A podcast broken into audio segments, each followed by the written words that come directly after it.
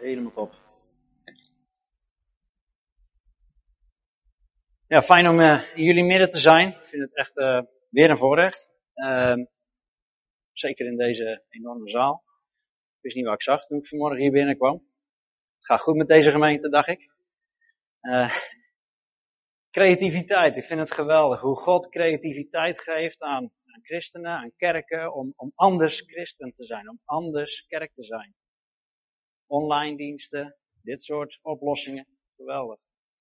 Hij gaat door met zijn werk. Uh, wat ik bad uh, voor de dienst met uh, de oudste. Hij is niet voor één gat te vangen. En hij gaat door. En daar ben ik dankbaar voor.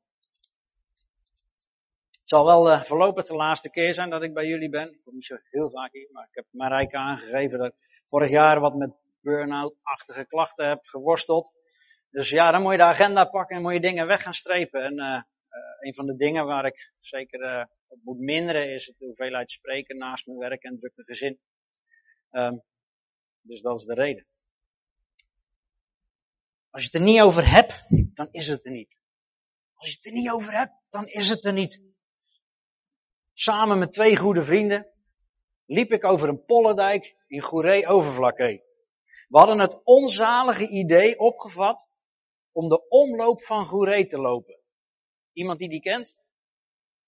Dat is een wandeltocht rond de kustlijn van Goeree-Overflakkee. Voor de goede orde, 110 kilometer die je verwacht wordt te doen in 24 uur.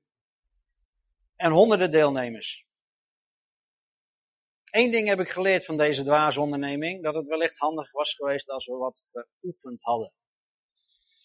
Ja, we hebben wel twee keer een blokje omgedaan en we dachten, joh, hoe lang kan zijn omloop nou zijn? Nou, 110 ellendige, lange, pijnlijke, donkere, duistere kilometers. Als je het niet over hebt, dan is het er niet. En in mijn geval ging dat over mijn blaren. Dat heb ik de hele weg gezegd. Als je net doet of het er niet is, als je het er niet over hebt, dan is het er niet. Want al na zo'n 20 kilometer was elke stap een martelgang. Ik had het gevoel of de, de, de blaren, druiventrossen om mijn voeten heen hingen. En wat ook al niet erg meehielp, is dat ik links en rechts van die frisse getrainde kuiten voorbij zag gaan. En die vroegen mij, gaat het? Want dat frisse huppenloopje van het begin, dat was meer ja, een soort voortslepen geworden. En stevast zei ik, het gaat goed. Want, als je het er niet over hebt, dan is het er niet. We gaan een verhaal lezen waar dit element in terugkomt. En dat vinden we in, uh, in Lucas 13. Jezus speelt hier de hoofdrol. Hij initieert. Hij geneest. Hij handelt. Maar in, dat, in die gebeurtenis zijn eigenlijk drie personages waar we wat van kunnen leren. En ik ga lezen. Het is een beetje klein. De voorste twee kunnen in ieder geval meelezen. Maar ik zal, uh, ik zal het voorlezen. En hij, Jezus, gaf onderwijs op de Sabbat in een van de synagogen. Lucas 13, vers 10.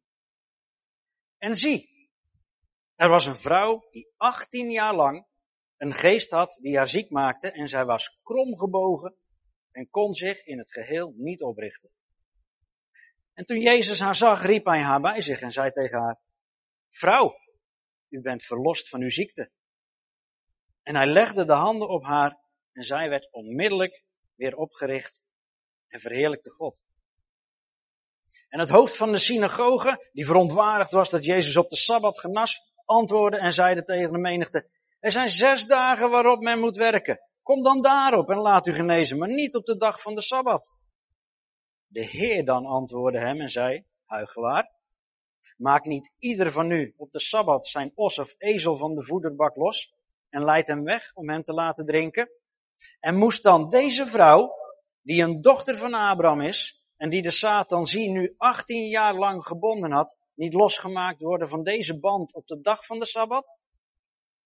En toen hij dit zei, stemde al zijn mee, al, sorry, stonden, stonden al zijn tegenstanders beschaamd en de hele menigte was blij om alle heerlijke dingen die door hem gebeurden.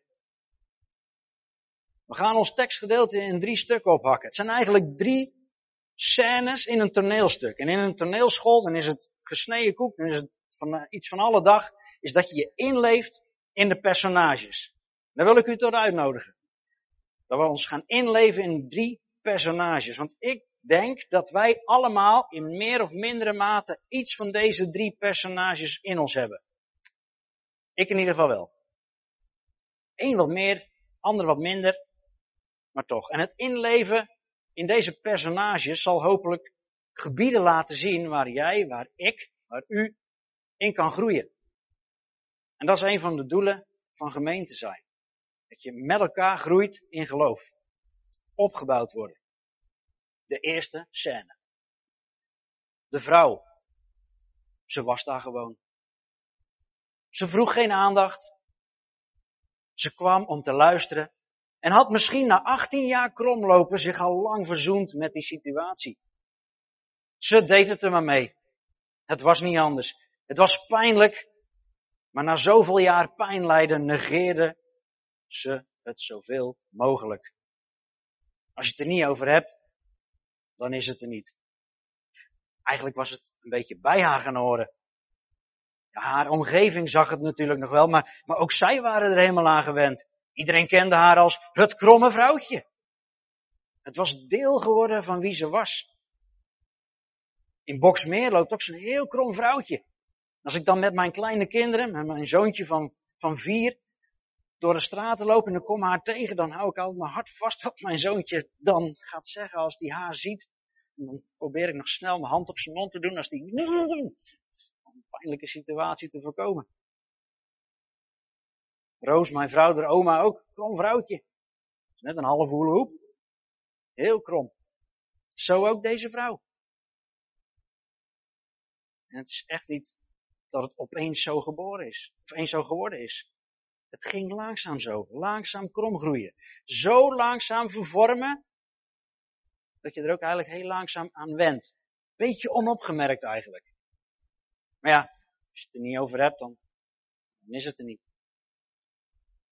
Er zo aan denkend, kunt u, kan ik mij wellicht identificeren met deze vrouw. Er is iets in je leven wat langzaam de verkeerde kant op is gegaan. Je ziet het gebeuren, maar je hebt eigenlijk geen idee hoe je het moet omkeren. Het is ergens begonnen, maar ook dat weet je eigenlijk niet meer precies. Je probeert net te doen alsof het er niet is, maar eigenlijk lukt dat niet zo goed. Misschien ben je er wel zelf zo aan gewend dat het je eigenlijk niet meer opvalt. Als je het er niet over hebt, dan is het er niet. De mensen in je nabije omgeving, die, die zien het natuurlijk nog wel, maar misschien ook zij zijn er helemaal aan gewend.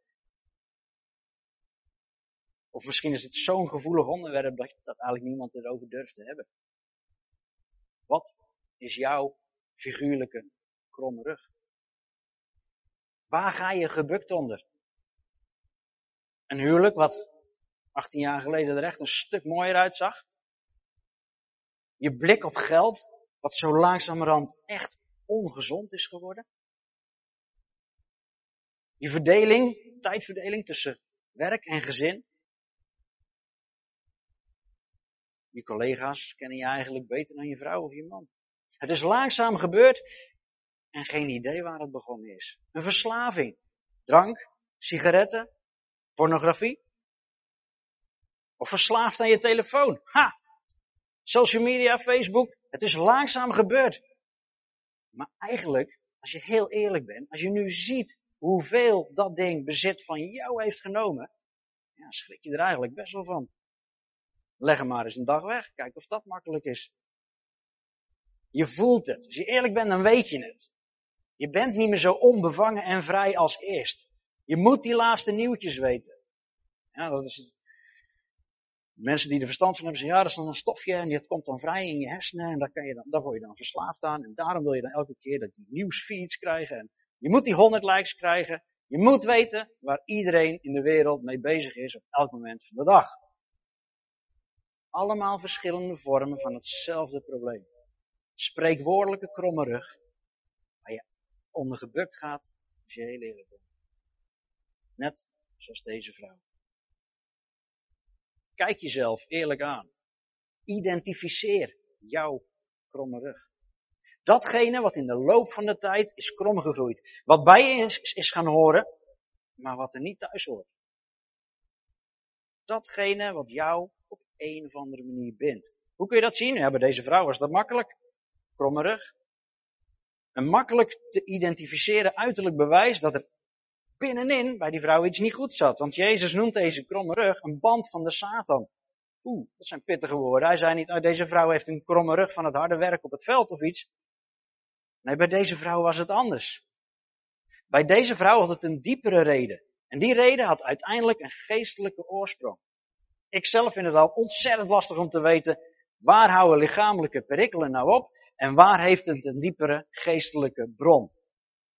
Wanneer kun je nu zeggen dat iemand paranoïde is en wanneer heeft het een duistere geestelijke achtergrond? Ik ben daar geen expert in, maar Jezus wel, gelukkig. En hij doorziet bij deze vrouw direct de bron van deze kromme rug. Het was uiteindelijk de Satan die deze vrouw bond. Zo kunnen, kunnen we lezen in dit stuk. De vrouw gaat niets vermoedend luisteren naar de rabbi die Jezus heet. Ze was er die dag heen gegaan en had zoals elke keer haar kromme rug mee de synagoge ingenomen. Een kromme rug waar ze gewend aan was. Wat bij haar was geworden. Maar daar was Jezus. En hij dacht daar heel anders over. Hij zag geen misvormde vrouw. Hij zag niet alleen een kromme rug. Hij zag een vrouw met heel veel mogelijkheden, met potentieel geluk, maar die gebonden was. Vrouw, kom eens hier. Jezus riep de vrouw bij zich. Zodra hij haar zag en, de vrouw kwam dichterbij en daar stond ze naast Jezus en alle ogen die eerst gericht waren op Jezus waren nu op haar gericht. En op haar kromme rug. U bent verlost van uw ziekte. Jezus zegt hier, voordat hij ook maar iets doet, dat al iets al is gebeurd. Zie je dat? U bent verlost van uw ziekte. Is dat uh, voltooid uh, de verleden tijd of zo? Iets in die richting? Het is al gebeurd. De uitvoering van zijn wil en zijn almacht staat gelijk aan de intentie om iets te doen. Nou, ik kan een heel goed plan hebben, maar het is echt altijd maar de vraag of het ook daadwerkelijk uitgevoerd kan worden. Maar bij Jezus is dat anders. Zijn almacht over het fysieke is zo zonder twijfel dat het voornemen alleen al genoeg is om te zeggen het is al gebeurd. Vrouw, u bent verlost van uw ziekte. U bent verlost van uw kromme rug. De band is losgemaakt. Dat is de macht van Jezus. En daarna legde hij haar de handen op. En zij werd onmiddellijk weer opgericht. En zij, zij verheerlijkte God. Die ochtend toen ze uit bed stapte, had ze niet kunnen vermoeden dat dit zou gebeuren. Wat een vreugde. En wat een almacht en een compassie laat de Heer Jezus hier zien. Hij wilde genezen en hij deed het. Niets vermoedend kwam je vanmorgen naar deze zaal, naar de kerk. Je had je rol snoep bij je gestoken en ging zoals je misschien elke zondagochtend gewend bent naar de gemeente. Niets vermoedend heb je je kromme rug de dienst mee ingenomen. Iets waar je aan gewend bent geraakt. Wat bij is gaan horen. Wat al lang geleden begonnen is. Een foute gewoonte die erin is geslopen. Als een dief in de nacht. Een vervorming, wat, wat er niet hoort, maar ja, nogmaals. Als je het er niet over hebt, dan is het er niet. Maar diep van binnen weet je het wel. Daar is Jezus. En Jezus denkt daar heel anders over. Die ziet in jou geen man, geen vrouw, geen jongen, geen meisje met een kromme rug, wat er helemaal bij is gaan horen. Die ziet niet iemand waarbij de verslaving iets is wat bij je hoort. Of waarbij dat uit elkaar gegroeide huwelijk iets is wat we maar moeten accepteren. Hij ziet jou, hij ziet iemand met superveel mogelijkheden en met potentiële vrijheid en dienstbaarheid voor hem. Maar die gebonden is. Hij ziet iemand die verlost moet worden. Van die band die inderdaad misschien wel zijn oorsprong heeft bij de, duivel, bij de duivel. Net zoals bij deze vrouw. Jezus is hier. Maar twee of drie in zijn naam zijn, daar is Jezus. aanwezig met de almacht en de almacht om recht te maken wat krom is gegroeid. In uw relatie, waar u, u op dit moment misschien aan denkt. Met uw man, vrouw of broer of zus of wie dan ook. U weet het. Om recht te maken wat krom is gegroeid in uw thuissituatie. Om recht te maken wat krom is gegroeid in het gebruik van je telefoon. En om samen met Jezus weer te zorgen dat jij je telefoon bezit. In plaats van andersom. Dat vraagt moed. Moed en vertrouwen in Jezus. Maar weet dat de Jezus waar we over lezen in Lucas 13 dezelfde is die vanmorgen hier bij ons is. Jezus wil je herstellen.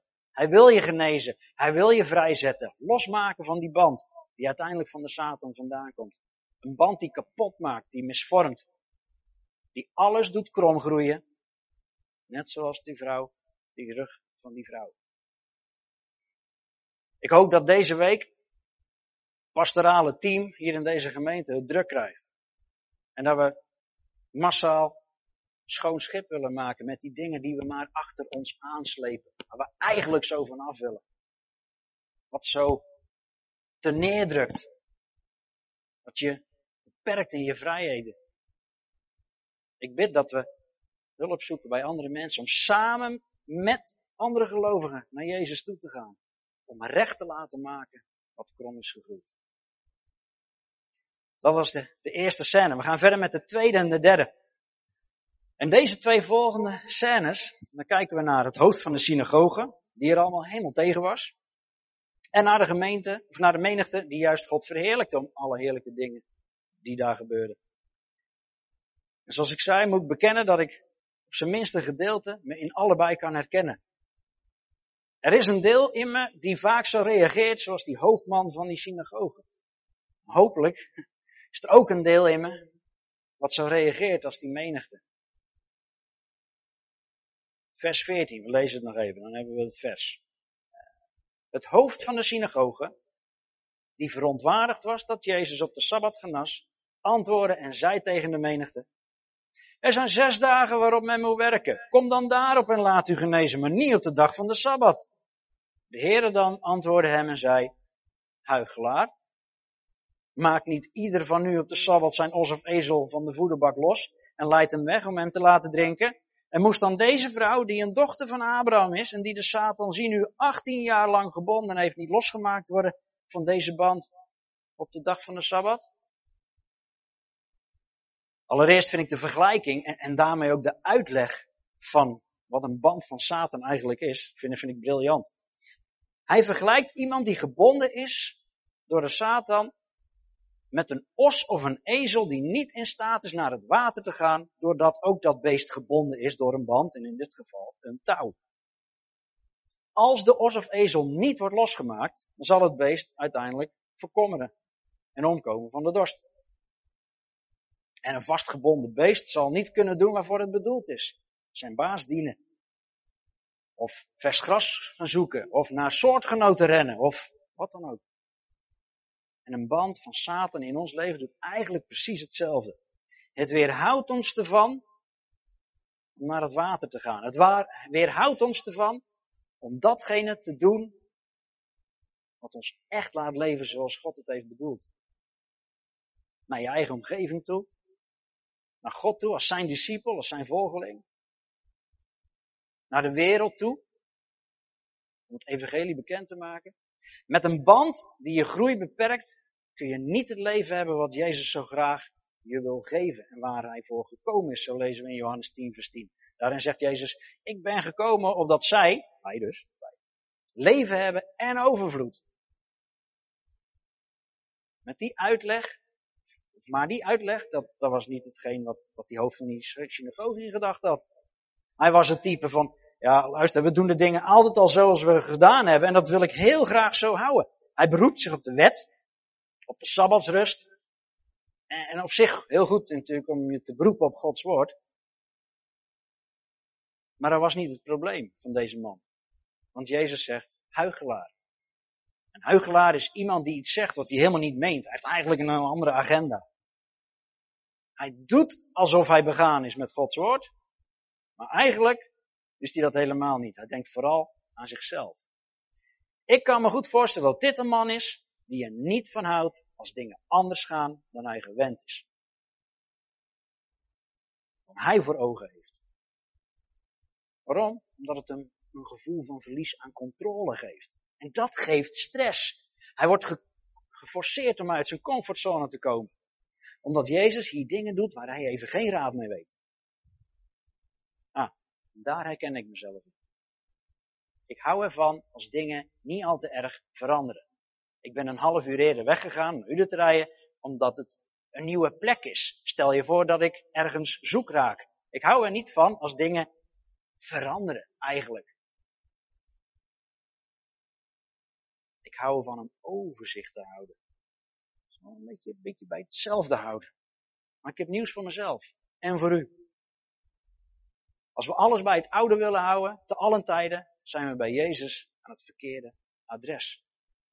En dat vind ik soms uitdagend. Ik heb mijn mond vol van Jezus en met spreken en school en op cornerstone. Maar als Jezus opeens handelt op een manier die ik even niet zie aankomen, waardoor ik stress ervaar, dan haak ik het liefst af. Kleine bekentenis. Beugen. Dorpje waar ik woon. Waar de Bijbelschool staat, waar wij werken. Nou, Martin en Ingeborg waren deel van jullie gemeente, jullie weten er alles van. Typisch katholiek dorpje. Kerk, kroeg, pleintje. En mijn Nederlandse collega Michael, die zei afgelopen december, pre-corona, zou het niet mooi zijn als wij iets gaan, iets gaan doen in de kroeg in Beugen? Zou het niet mooi zijn om daar een paar avonden te beleggen? We nodigen mensen uit en dan gaat de Bijbel open, drankje ernaast. Wij gaan daar waar zij zijn. Nou, dat ik een super plan. Laagdrempelig. Geen idee of er iemand op af zou komen, want heel veel interesse in de geestelijke zaken heb ik nou ook weer niet geproefd in Beugen, maar vooruit. Ja, zegt hij. En dan gaan we vier avonden beleggen. Jezus sociaal, Jezus uh, leven, Jezus dood en Jezus opstanding. Het hele plaatje. Gewoon een gewoon gesprek om een grote tafel waar mensen dan zich vooraan konden melden. Mooie flyer gemaakt in de info Beugen, het blaadje wat iedereen leest gezet. En de eerste avond was daar. En wij waren positief verbaasd. Er kwamen de eerste avond drie mensen af. Denk je, nou, drie, dat is niet zoveel. Maar ik vond het nog niet gek. En in de loop van de avonden kwamen er nog een paar bij. En Michael die leidde het het meest. En die vertelde en, uh, mooie gesprekken. En, en, ergens in die gesprekken kwam opeens zo'n gedachte in me op. Zo, ik hoop niet dat deze mensen tot geloof komen. Hm? Nee, ik hoop niet dat ze tot geloof komen. Want als ze tot geloof komen, dan, dan moet ik mijn agenda omgooien. Want dan moeten deze mensen natuurlijk geholpen worden met, met Bijbel lezen. Want die, die snappen daar natuurlijk anders helemaal niks van. En dat, daar heb ik helemaal geen tijd voor. Want ik ben super druk met Cornerstone. En al die studenten op te leiden die uiteindelijk naar de andere delen van de wereld gaan. Om het evangelie te bekend te maken. Maar ik heb geen tijd voor de buurman. Gelukkig was het een hele korte gedachte. En kon ik er de waanzin snel van inzien.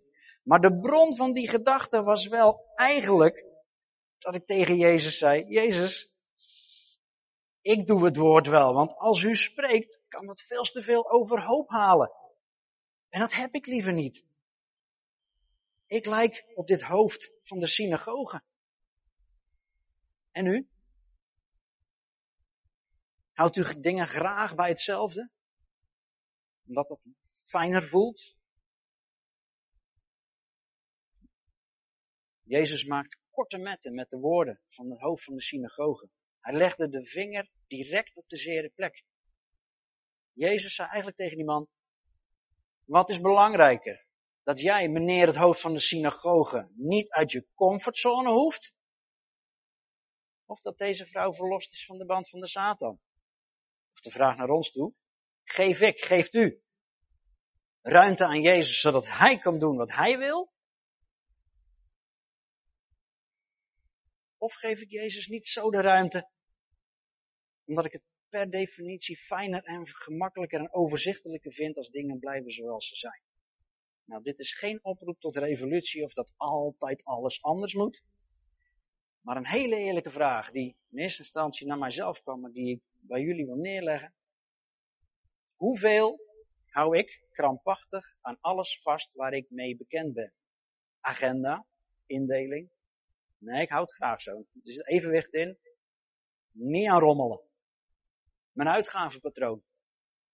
Nee, ik heb al één kind van, voor compassie en ik geef vijf tientjes aan de kerk en daar hou ik bij, zit evenwicht in.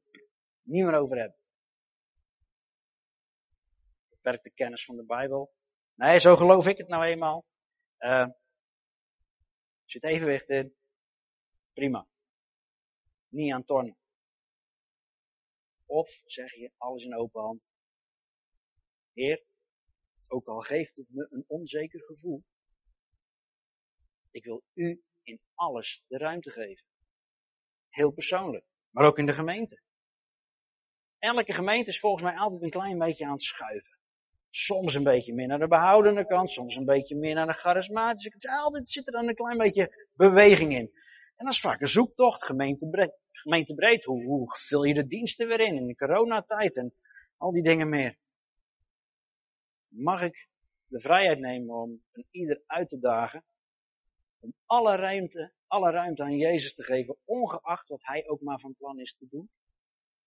En ik zeg niet dat Jezus alles om zal gooien in die richting, maar gewoon de gedachte in ons achterhoofd houden. Zie ik de gemeente graag in richting A of B of C gaan, omdat ik er vol van overtuigd ben dat hij dan alle ruimte krijgt? Of eigenlijk stiekem omdat ik vind dat het dat maar makkelijker uitkomt. Dat ik niet uit mijn comfortzone hoef. Niet rommelen aan die tien uur s ochtends. Anders de rest van mijn dag overhoop. Ik zeg maar wat. Het is uiteindelijk een vraag van discipelschap. Heer, wat wilt u dat ik, dat wij doen zullen? En misschien is dit wel een kruising met die, met die corona. Waarop we de dingen kunnen herdenken. Is de manier zoals we kerk doen, is dat de beste manier? Of, of is dit ook misschien een mogelijkheid en een punt waarop God van ons vraagt, laten we eens, laten eens kijken. Misschien kan het anders, misschien kan het uitnodigen. Nou, ik, ik denk dat jullie hier al een hele stap gemaakt hebben. De laatste scène is een hele korte, maar een hele mooie. Toen Jezus dit zei, stonden al zijn tegenstanders beschaamd en de hele menigte was blij om alle heerlijke dingen die door hem gebeurden. Ik hoop zo dat ik lijk op deze mensen. Dat ik me kan blijven verheugen op al die mooie dingen die gebeuren. Maar ik ben vaak zo sceptisch. Ken u dat? Als Jantje van Pietje zegt dat die genezen is. Nou ja, ja oké. Eigenlijk wil ik eventjes wel zelf horen hoe het gegaan is. Dat soort sceptisch. Maar wil wel blijven verheugen op die dingen die God doet. Niet alles op, ja nee dat is toeval. Of is een opgeklopt verhaal. Iets in die richting. Er gebeuren nog altijd mooie dingen. Afgelopen januari gebeurde er iets uh, in Beugen, waarop, waardoor uh, ja, ik wist dat Brabantse land was nog altijd op Jezus hart. Als ik daar ooit al aan twijfelde. Afgelopen januari hadden we in Beugen het Beugen Buiten Winterfestival met een kampioenschap fluitketel schuiven. Ja, nee, ik wist ook niet dat het bestond. Fluitketel schuiven. Het hele dorp loopt uit. En wij hadden van Cornerstoners ook met een team aangemeld. Apart zo'n clubje internationale evangelische fluitketelschuivers te zien op een Brabants festival waar voornamelijk bier drinken de hoofdmoot is. Maar goed, wij deden mee. Sommigen Cornerstone studenten die waren meegekomen ons aan te moedigen. Er waren er ook die die tent inkwamen en door de hoeveelheid drank en muziek zo geschokt waren dat ze direct weer naar buiten gingen en zeiden, buiten hebben we gebeden voor jullie. Dat er dingen mogen gebeuren. Ook Rahel was meegekomen. Zwitsers meisje, die heel internationeel is, om haar geloof te delen. En ze raakte in gesprek met wildvreemde mensen. Die weer uit een ander dorp, uit Boksmeer, waren die meegekomen met vrienden. En wat bleek in dat gesprek? Dat deze mensen al langer op zoek waren naar een stuk waarheid in hun leven. Lang verhaal kort.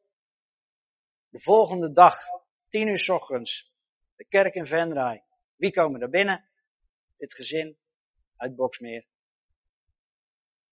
En die dag heeft die vrouw haar leven aan Jezus gegeven. De man die is aan het zoeken en die, die staat er open voor. Toen kwam corona. Maar uh, in die tijd kreeg ik een appje van haar. Ze zegt, is nog vrijwilligerswerk te doen in Cornerstone? En sinds een paar weken is Marieke, zoals ze heet, komt twee keer in de week in de keuken helpen. En ondertussen wordt ze gediscipeld door Rosangela, onze kokkin. Hoe mooi kan het zijn? Er gebeuren nog elke tijd mooie dingen waar we ons over mogen verheugen. God was aanwezig op dat festival. Ondanks de hoeveelheid bier en de vreselijke carnavalsmuziek. Sorry, dat is mijn eigen mening. Wat hebben we gezien vanmorgen? Ga met die kromme rug naar Jezus en laat je vrijzetten van alles wat je bent. Wat je te neerdrukt, wat er niet thuis hoort. Wat je eigenlijk wel weet. Maar je hebt het er niet over. Dus. Twee, stel jezelf de vraag in hoeverre je lijkt op het hoofd van die synagoge. Hou jij kosten wat het kost touwtjes in handen? Of geef je Jezus alle ruimte? Aan Hem om te doen. In jouw leven, in de gemeente. Tot zijn eer. Om gemeente en om het evangelie bekend te maken. En het derde, Wees blij om de mooie dingen die door hem gebeuren. En erken dat Jezus aan het werk is. In je eigen leven, in je omgeving, in de gemeente. Benoem niet alleen de dingen die beter kunnen. Ja, soms kunnen ook dingen beter. Dat is ook goed om te benoemen. Maar blijf daar niet bij. Benoem en wees blij ook over de dingen die Jezus gedaan heeft en doet. Elke dag. Hier in ons midden. Net zoals die gemeente blij was over de genezing van deze vrouw. Vraagt zich misschien af of hoe dat uiteindelijk afgelopen is met die Goeree Overvlakke wandeltocht. Ik heb het niet gehaald. Nee, na 84 kilometer stortte dit veentje ter aarde. Uh, nou, stortte. Ik gaf, we gaven op. Uh, met z'n drieën zeiden we, dit is genoeg, dit is uh, gekhuis. Helemaal versleten. Is de motto het motto waar ik, een soort mantra waar ik de hele tijd riep. Als je het er niet over hebt, dan is het er niet. Het kan ook de prullenbak in.